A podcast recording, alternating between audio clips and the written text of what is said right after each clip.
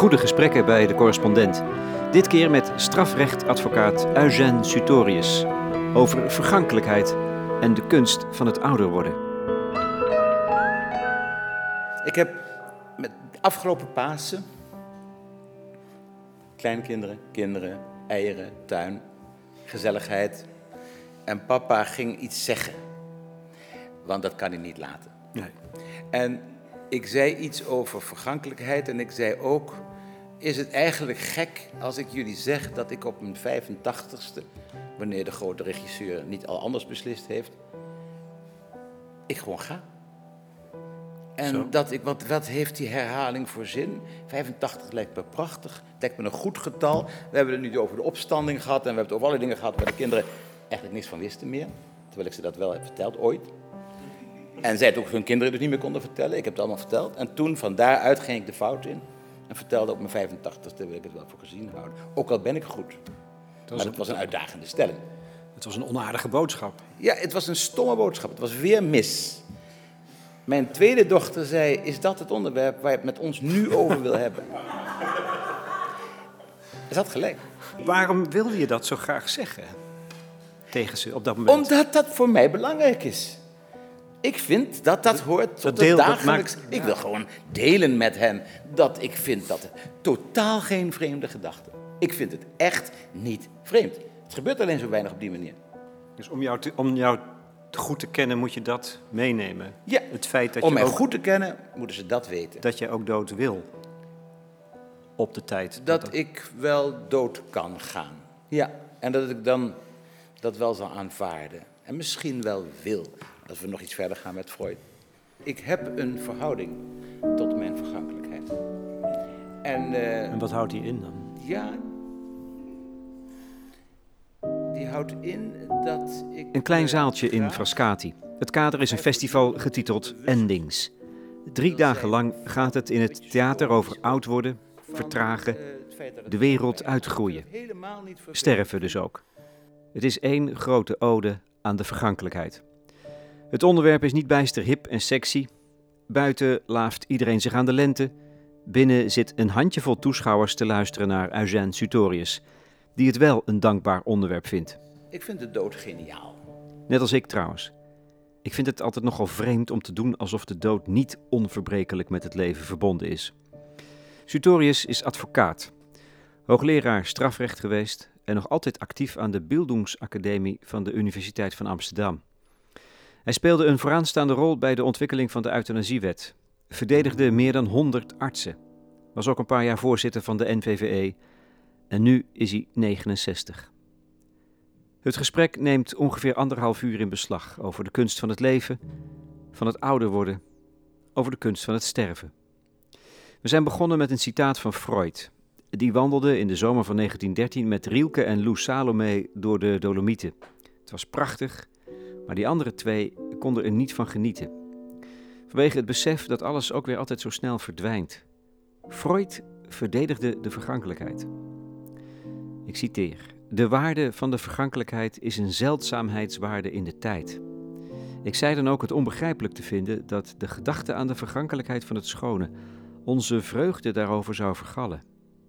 De schoonheid van het menselijk lichaam en het menselijk gelaat zien wij in de loop van ons eigen leven voorgoed verdwijnen. Maar dit efemere karakter verleent haar nog een extra bekoring. Als een bloem maar één keer bloeit, vinden wij haar bloei daarom niet minder prachtig. Sutorius is het er hardgrondig mee eens. Zelf kreeg hij twee keer in zijn leven de dood aangezegd. De eerste boodschap was een, een verdrinking in Jakarta, in de, in, in de haven van Jakarta, omdat mijn ouders even niet goed opgelet hadden. Jij was een En jongetje. ik was een jongetje van zes. En ik ben eh, te water geraakt en ik heb, die herinnering is nog zeer levendig, geen, enkel, geen enkele paniek. Ik weet wel dat het erg blauw was, blauw-groen, en dat ik veel water binnenkreeg. Veel te veel om op te drinken. En, maar ook dat gaf geen paniek. Het gebeurde en ik werd gevonden door een voorbijgangende zeiler die een zo'n blauw-groen hemdje zag. En daar zat een jongetje aan en met een peddeltje heeft hij mij omhoog gehaald. En heeft mij toen, nadat hij me eerst weer leeg had gemaakt van water, heeft hij me een half uur later gebracht naar mijn ouders, die een eindje verder goed achter de cocktails zaten. En ik herinner dat nog heel goed. En was, een, eh, dat was geen paniek. Nee, helemaal niet. Wat zegt dat? Dat weet ik niet. Ik, eh, Dat zegt iets. ja, het zegt... Het schijnt dat- überhaupt als je verdrinkt, maar ja, jij weet dat nu, ja. dat dat een zachte dood is. Ja, ik denk dat dat zo is. Maar ik was een jongetje van zes. En mijn beleving van dit was, zoals je als jongetje van zes veel zal beleven, dit gebeurt mij. Dit overkomt mij. Zit daar niet een ongelofelijke les in? Ja, dat denk ik. Ja. Ja. Ik kreeg een herhalingsoefening. Een jaar of vijftien geleden. Omdat longkanker werd aangezegd. En dat bleek pas anderhalf jaar later een vergissing in de diagnostiek te zijn. En tot die tijd, maar dat is wel heel interessant om te vertellen, Ja. ehm, merkte ik alleen maar dat ik niet onthield wat mijn dokters mij vertelden.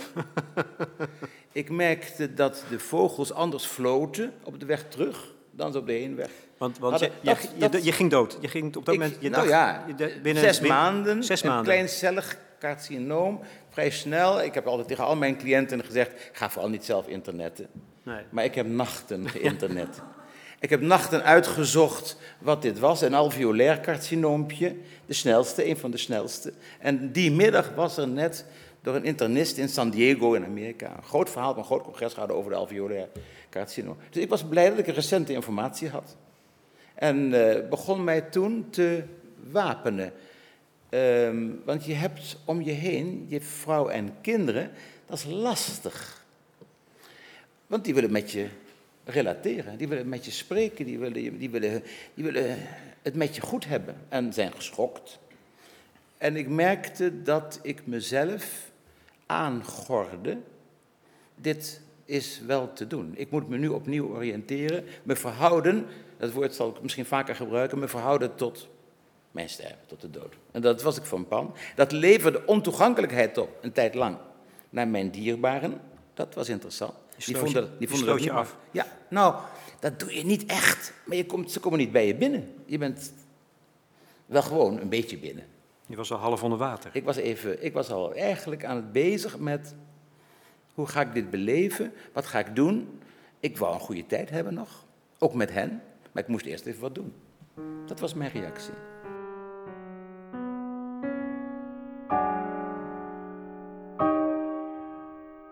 Het blijkt vals alarm.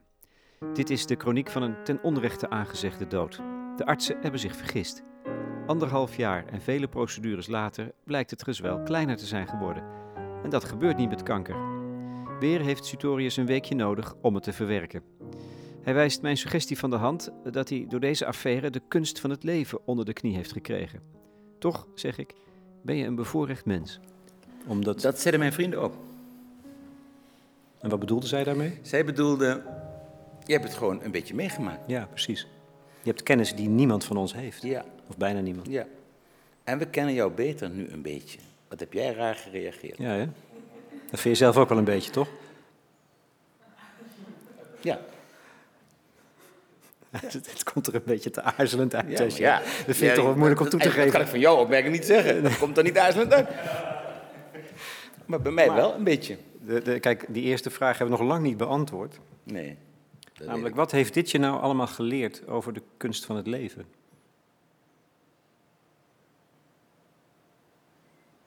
Ik denk dat de kunst van het leven in de eerste plaats betekent dat je leert leven. Gewoon leren leven is niet zo eenvoudig. En dat in dat proces wat we allemaal doen, en wat we allemaal doen vanaf onze eerste moment dat we onze adem halen en dan verder gaan, dat je daar voortdurend mee bezig bent. Je bent niet meteen met leren sterven bezig, maar natuurlijk niet. Je bent he- helemaal de andere kant op aan het gaan. En dat leren leven, dat is de basis voor je verhouden tot de eindigheid. Dus je kunt niet leven zonder de dood in je straat, is mijn stelling. Ik vind dat de dood er inderdaad bij hoort en dat ervaar ik ook. Ik ben er ook wel nuchter over, ook als vrienden gaan. Ja. Ik ben wel, alle emotie komt er wel uit, maar het is zoals het is. En dat vind ik zelf prettig, want het geeft heel veel plezier aan mijn leven. Het klinkt raar, maar het is echt waar. Dat is Freud, hè? Ja, was, dit was Dat Freud. is, dat is gewoon die tekst van Ja, Freud. Ja, heeft- maar het is ook zo. Freud had groot gelijk, alleen zijn timing was belabberd.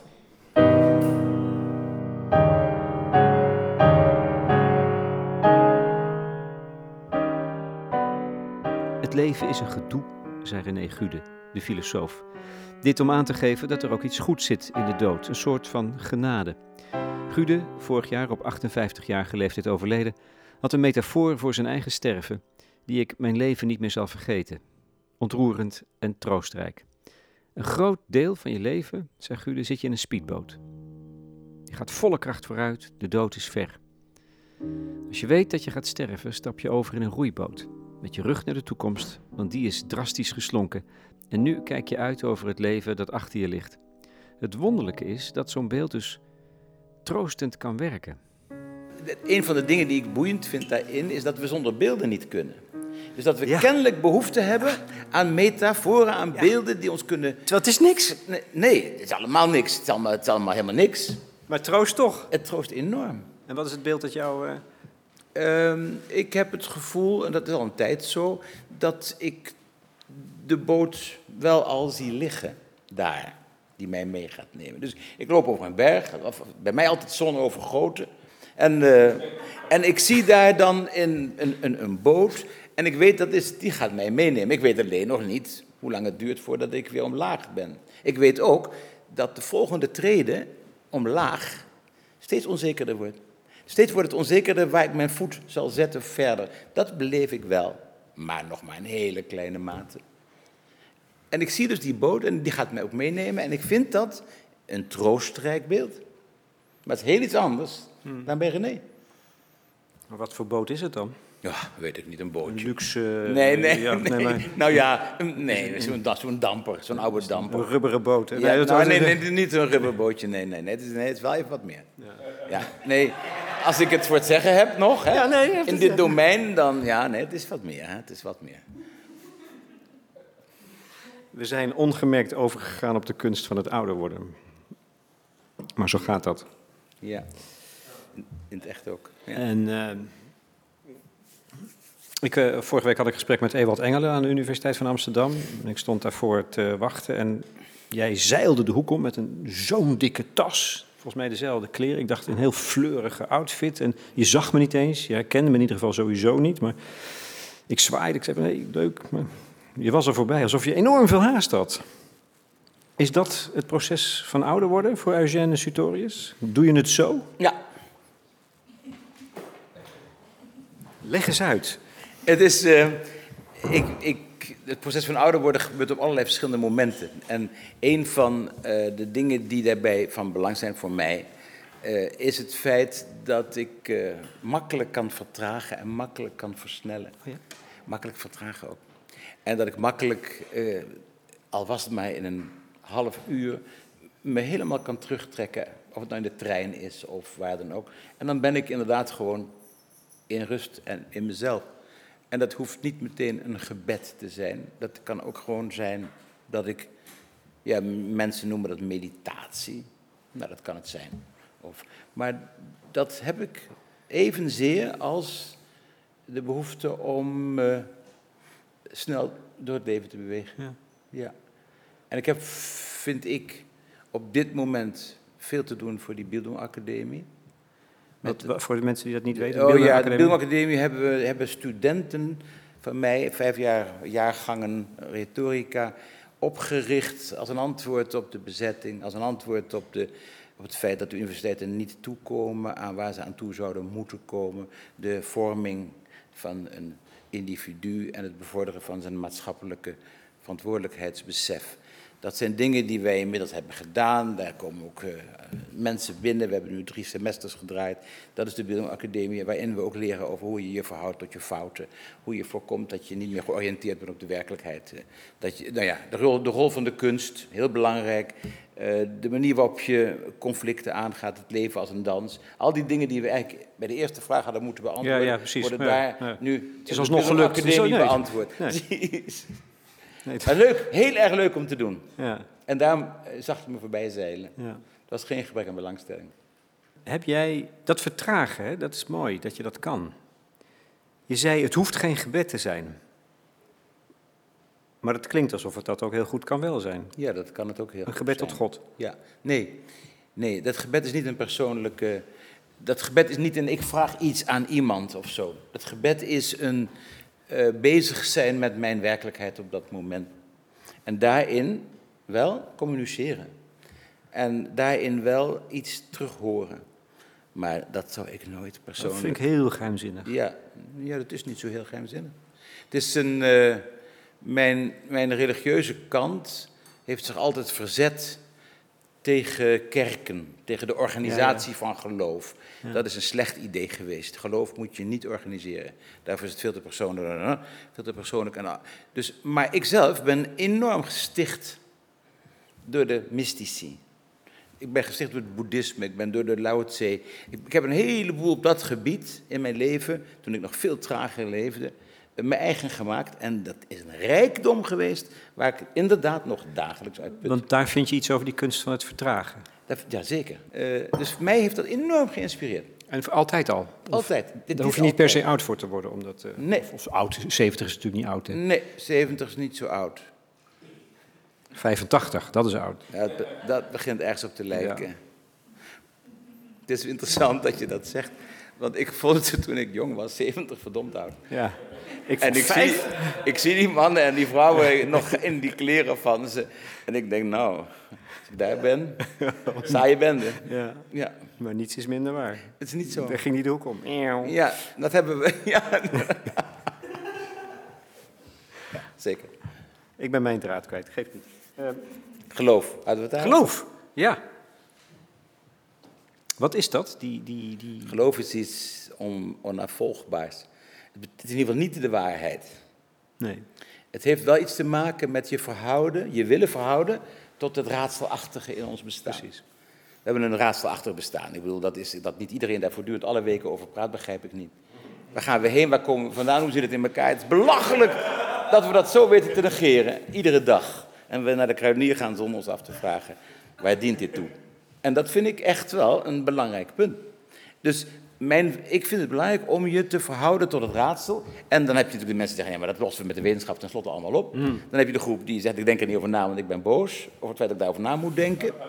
Agnosten, atheïsten, ze zijn allemaal even boeiend. Dan heb je de mensen die zeggen, nee, laten we het op de mens houden, de humanisten. Prima, maar dan mis ik, dan mis ik alle geheimzinnigheid en alle liturgie en alle raadselachtigheid. Dan kan ik niet dansen met het raadsel. Ik wil wel dansen met het raadsel. Dat is een hele irrationele manier van reageren, maar dat doe ik graag. Dansen. Hoe vind jij het om ouder te worden? Aangenaam. Het valt me bijzonder mee. Waarom?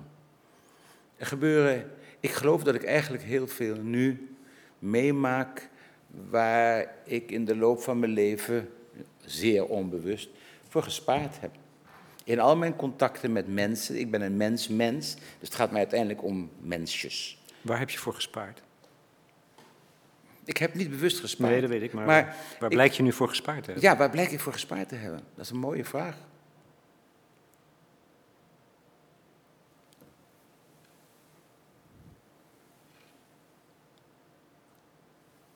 Ik blijk zoveel vertrouwen te hebben gekregen in het leven dat ik voortdurend blij kan zijn. En ik zie het leed heel goed. En ik ben daar ook bij en voor in, voor zover mijn empathie dat kan. Want ik verdring ook drie vlucht, bootvluchtelingen per dag. En doe ik er één. Maar Die kan ik aan. in de grond vreugdevol. In de grond vreugdevol. En ik ben, geloof ik, vrolijk geworden toen ik doorkreeg dat ik de basisdingen onder de knie had. Een vrouw vinden, kinderen krijgen. En ook nog geaccepteerd worden in de rechterlijke macht. Belachelijke dingen die ik zelf ook nooit gedaan zou hebben. Maar zij wel. Dus je hebt per ongeluk carrière gemaakt. Ja, dat is, zo is het precies. En daarna zoveel plezier in gehad, dat ik was niet te stoppen. Dat heb jij nog gezien. Ik weet wel dat ik op een gegeven moment doorkreeg dat het leven mij goed gezind was. Want laten we dat dan ook maar even zeggen. Het gaat over iemand die toevallig heel bevoorrecht is. En echt heel bevoorrecht in dit leven. In alle opzichten denkbaar. Dat geeft mij En een... wat bedoel, wat bedoel je dan? Ja, dan bedoel ik dat ik eh, in een situatie leef waarin alles mij maar naar me toe komt. Ja. Even een paar kleine dingen daar gelaten. Ja. Weerstand, nederlaag, eh, foutjes, falen. Prima. Maar heel veel, heel veel mooie dingen. Gewoon heel veel prachtige dingen. En is dat En in de liefde. En Ja. in de wetenschap. En, en niet, ja, we gaan er niet over naar huis schrijven. Maar ik ben er blij mee en ik ben bevoorrecht. En is dat dan makkelijk te verdragen, dat jij het beter hebt dan andere mensen? Nou, dat vind ik wel eens punt, ja. Maar ik ga niet zo ver dat ik dan maar somber word. Ik wil wel heel veel doen daaraan. Ik, wij die, hele, dat, die hele kant van wat ik dan maar noem eh, de empathie, het je in een ander kunnen verplaatsen door je voorstellingsvermogen, je verbeeldingskracht te trainen. Bijvoorbeeld in oude mensen die dood willen. Die echt onpeilbaar lijden en waarvan wij zeggen, dat zullen we nog wel eens even zien. Ja. Heeft hij aan die voorwaarden en aan die voorwaarden. Ik zit wel aan de empathische kant, althans dat wil ik zijn. En ik weet dat ik daarbij natuurlijk gruwelijk faal. Dat is het derde onderwerp, zometeen, euthanasie. Ehm, nog, toch nog iets over de... Het is grappig, hè? Dan begin je met de kunst van het leven. Toen hebben we het eigenlijk alleen maar over de dood gehad. Nu hebben we het over de kunst van het ouder worden. En dan hebben we het over de kunst van het Dat leven. kan toch niet anders? Dat is toch helemaal, dat zit toch helemaal door elkaar? Je kan het nooit echt goed over de dingen Het hebben. is, ik, ik geloof dat de kunst van het sterven de kunst van het leven is. Ja.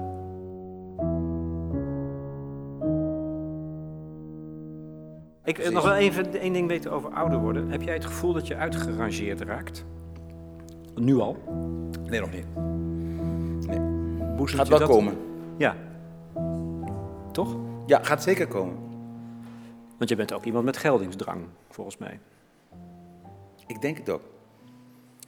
Ik zou het niet graag bekennen. Nee, maar we zijn toch onder Maar we elkaar. Ja.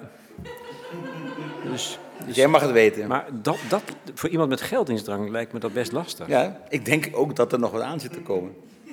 En hoe ga je dat dan doen met Lao Tse in de hand? Ja, en met Epicurus en met de Sto- Stoa. Stoa. Hoe ga ik dat doen? Ik begin met, met een disclaimer.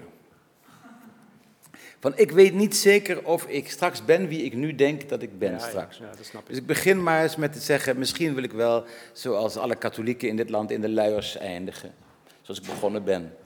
Ik overdrijf nu, hè? maar de katholieken hebben altijd gezegd, je moet een beetje aanvaarden wat er komt. En dat is, die euthanasie is een heel fout pad, dat was hun, hun oude idee.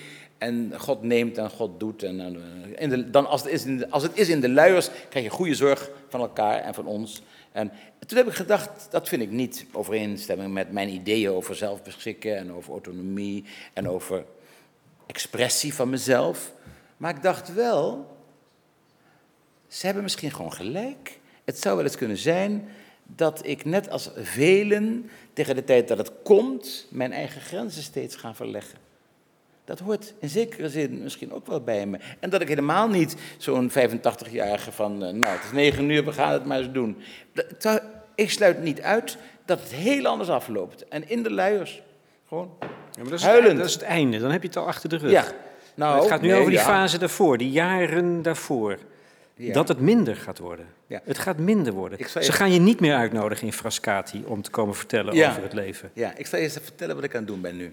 Ik maak een pentekening en daar ben ik twee jaar geleden mee begonnen. En die pentekening, is, dat vind ik heel boeiend, mijn kinderen vinden dat neurotisch, is, een, eh, is dat ik allerlei kleine dingen die behoren bij het ouder worden opschrijf. En daar, is echt een pentekening, als je vroeger, weet je wel, word je van boom naar boom en dan had je een echt een boom ge, ge- gepind. Dat kan je ook doen met alle dingen. Dus als ik nu thuis kom in Arnhem, wat ik dan doe, is dit, dan sta ik op en dan pak ik mijn, en dan doe ik zo bij de voordeur. Alsof ik hem open krijg zoals ik een smartphone open krijg. Dan is echt, dat is getikt. Dat is het begin van het einde. Ik gebruik iets voor een ander doel dan waarvoor het bedoel. En dat komt steeds meer voor. En dan heb je een heleboel, ja, ik zou er ook van schrikken. Dan heb je een heleboel dingen waaruit je ziet, maar het is wel echt. Ik ben echt, die boot daar is reëel. Die, trap, die traptreden. Die traptreden die je ineens niet meer voelt. Reëel. En dat is wel interessant. Die pentekening is echt heel interessant. Want je ziet dan ook letterlijk waarin je aan het veranderen bent. En je moet er ook om lachen soms.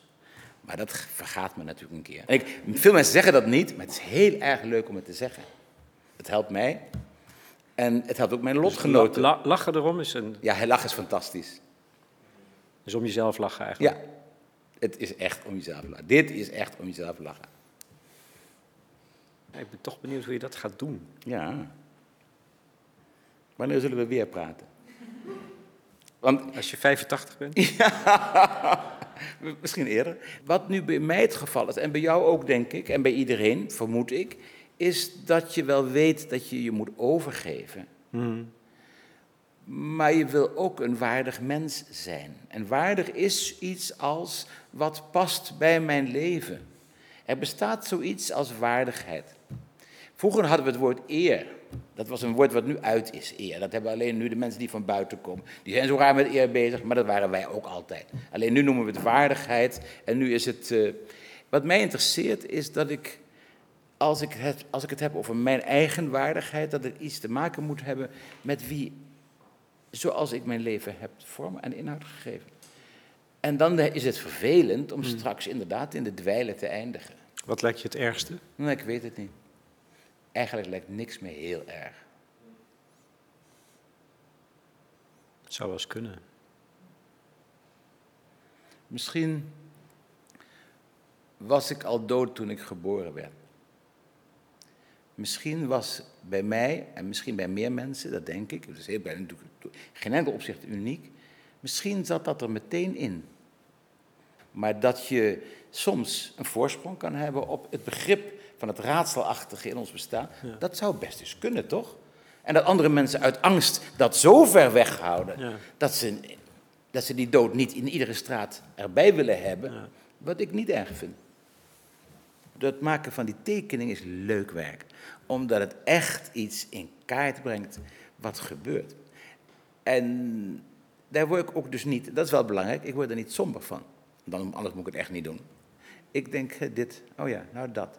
En, en het zijn kleine dingen die bij elkaar toch een interessante, trouwens een interessante tekening opleveren. Is dat, is dat een variant op wat eh, gesuggereerd wordt in sommige kringen, dat eh, om depressiviteit bij oudere mensen te voorkomen, moet je ze uitnodigen om hun levensverhaal te vertellen? Ja, ja. Dat Ja. schijnt enorm Ja. genezend, helend Ja. te werken. Omdat het een verhaal is. Ja, precies. Wij worden genezen door onze narrativiteit. Ja. Nou, dat hebben al veel mensen voor mij gezegd. Er komt een vraag uit het publiek. Of Eugène Sutorius nu al iets merkt van lichamelijke achteruitgang. Niet zo erg. Ehm, Ik wel. Jij wel? Ja. Oké, dan kan ik je wel wat adviezen geven. Nee, ik, ik merk weinig. Vrije. Zal ik een vrije nemen? Ja. Leuk onderwerp. Ja. Dat is echt een leuk onderwerp. De kleine Vrije- dood. De kleine dood. De kleine dood die niet altijd lukt. Hè? en, en, dan, en dan is het interessant, dan wordt het pas spannend. Hè? Want wat, wat gebeurt er dan met dat Maar goed, lichaam? vrije? eh, eh, op Vrije? vrije nu je 70 Vrij, bent? ja, vrij, ja, dat is mogelijk, ja zeker. Want vrije zit namelijk niet alleen in je piemel. Hè? Nee. En dat is heel interessant. Dus als je kijkt hoe, hoe reageert mijn lijf op de liefde, dat is werkelijk, ja, daar ga ik nou jullie niet mee vervelen, maar ik vind het wel heel interessant. Wordt het eigenlijk leuker? Het wordt leuker. Het is niet te geloven, het wordt leuker. Nee, maar dat is, de, nee, maar dat is, daar kunnen al deze mensen wel met een fijn gevoel naar huis natuurlijk. Le- maar het- nou, ja, we hadden het over levenskunst, maar we Nee, waren is eigenlijk al voorbij. Hè? We waren al voorbij. Ik word er steeds vrolijker van. Ja, nou, ik ook. Ik ook. En het gaat dus helemaal niet over prestaties, het gaat helemaal niet over... Nou, En je absoluut meent het, dit is niet posen nu wat je zegt. Dit Nee, het is het. geen- Ja, dit is nul pose. Oké. Dit is echt Geloof ik. Maar dat ik daar nou meteen naartoe duik, daar kun je vraagtekens bij zetten. Je, je kunt ook zeggen dat ik niet zo hard meer loop. Ik loop nog steeds wel een halve marathon. En die loop ik dan ongeveer nu tweemaal zo lang als twintig jaar geleden. Dan loop ik van Arnhem naar station Ede-Wageningen. Helaas zonder hond, maar eh, die is dood. Maar dat deed ik altijd met hond. En het bracht mij veel goeds. Want onderweg had ik allemaal briljante ideeën die ik opschreef. En als ze dan later bekeken wanneer ik weer thuis was, was het allemaal niks. Maar dat doet er niet toe. Ik had heerlijk, heerlijk gerend. Nou, dat lijf, ik ben heel blij met mijn lijf. Op, maar dat is wel een punt. Maar, dan, dan, Ja. ja. maar dat is een punt. Het is een punt, want voor veel mensen begint daar de grote ellende. Dus dat ik eh, iets vergeten ben en namen vergeten en al die dingen meer, is allemaal waar. En dat ik niet zo snel meer ben en dat ik te zwaar ben en dan andere dingen, is ook waar. Maar ik ben tot nu toe echt ongelooflijk blij met mijn lijf. Maar ja, dat is een saaie opmerking, maar het is zo. Dus dat zou iets kunnen veranderen in mijn levensgevoel. Als dat anders wordt. Ja, ja. Is het bij jou ernstig of niet? Nee, het is niet Nee. Gelukkig. Al heb ik nooit een halve marathon gelopen. Nee, nee. Nou, dat is ook... eh, Maar ik fiets nog met gemak 100 kilometer. Ja, Dus op een- nou kijk, precies dat. Heerlijk.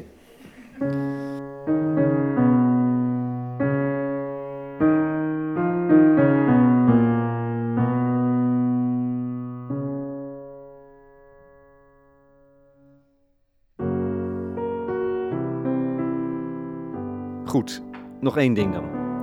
De derde en laatste ronde die gaat over de kunst van het sterven. Oftewel, de goede dood. Sutorius heeft zich enorm ingezet voor een zorgvuldige en ook juridisch verantwoorde euthanasiepraktijk. Er is al sinds 2002 een wet. Het lijkt allemaal goed geregeld in Nederland. Toch zijn er nog steeds betrekkelijk veel artsen die het niet doen. Het is een roulette. Als ik die leeftijd heb, ja, ik kom dan aan een dokter waarschijnlijk wel. Maar veel mensen is het roulette. Dus, en dat kan helemaal niet bij zo'n belangrijk ding in een, in een land waarin we dit zorgvuldig geregeld hebben. Behoor je als dokter, wanneer je geen gewetensbezwaren hebt of religieuze bezwaren, die kun je hebben, maar dan behoor je gewoon als een professional het gewoon goed te doen. Ik ben daar heel kritisch over. Uh, de groep die het wel doet, ik zeg 60 procent, 50 à 60, die doen het heel, heel goed, heel gedetermineerd, heel zorgvuldig, weten het klappen van de zweep, weten ook dat ze keurig moeten aangeven. En de groep die het niet doet, zijn eigenlijk niet zulke professionele dokters. Die hebben ook moeite met palliatieve sedatie, terwijl ze daar geen enkel gewetensprobleem mee zouden moeten hebben. Dus er is een probleem dat medisch-ethische dingen rondom de dood, en er zijn veel beslissingen die dokters moeten nemen tegen het levenseinde, ophouden met medicijnloos handelen, coma, eh, ernstig gehandicapte kinderen. Er is heel veel waar de dokters natuurlijk ook met die dood worstelen.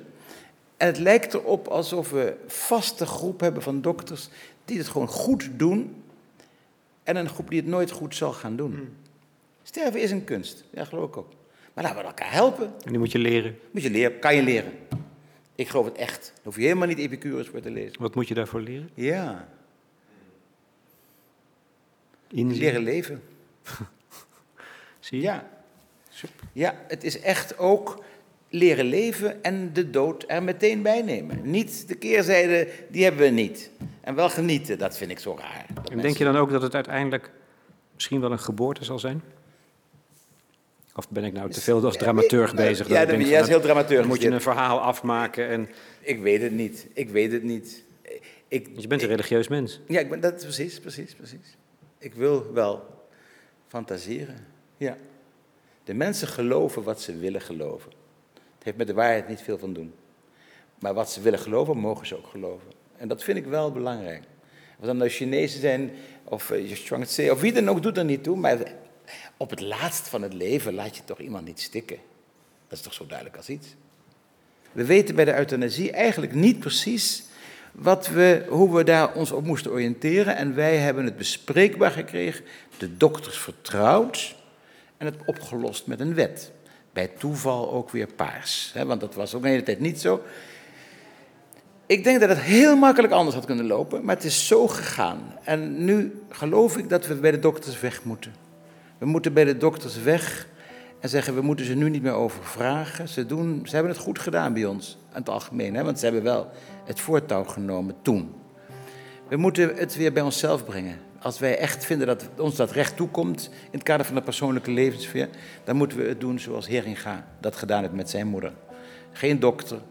Je bent in, en daar moeten we zorgvuldigheidsvoorwaarden bij bedenken. Dat, we, dat we niet straks de erfenis erbij krijgen. En, uh, de probleem nog, en nog een paar andere dingen. Dat je het, aanzien, het lijden van je moeder niet meer kunt aanzien. En daarom... Ja, dat, ik moet, we moeten het ons medicaliseren. Ik ben er helemaal zeker van. En dat is heel moeilijk, want we hebben net die wet. We zijn trots op de wet. En ik geloof toch dat we daar weer weg moeten. Ja. Eugène. Lex. Dit was een, vorm, een mooie vorm van vertraging, vond ik. Je bent een echte levenskunstenaar. Dankjewel. Dankjewel. En uh, over 15 jaar spreken we elkaar weer, ja. weer hier. Ja. ja. ja. Veel plezier. Zet hem op, hè? Dankjewel. Veel plezier. Dankjewel. Ja.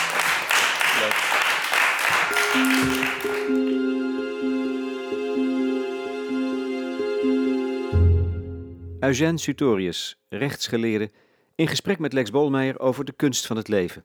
Voor Frascati en de correspondent.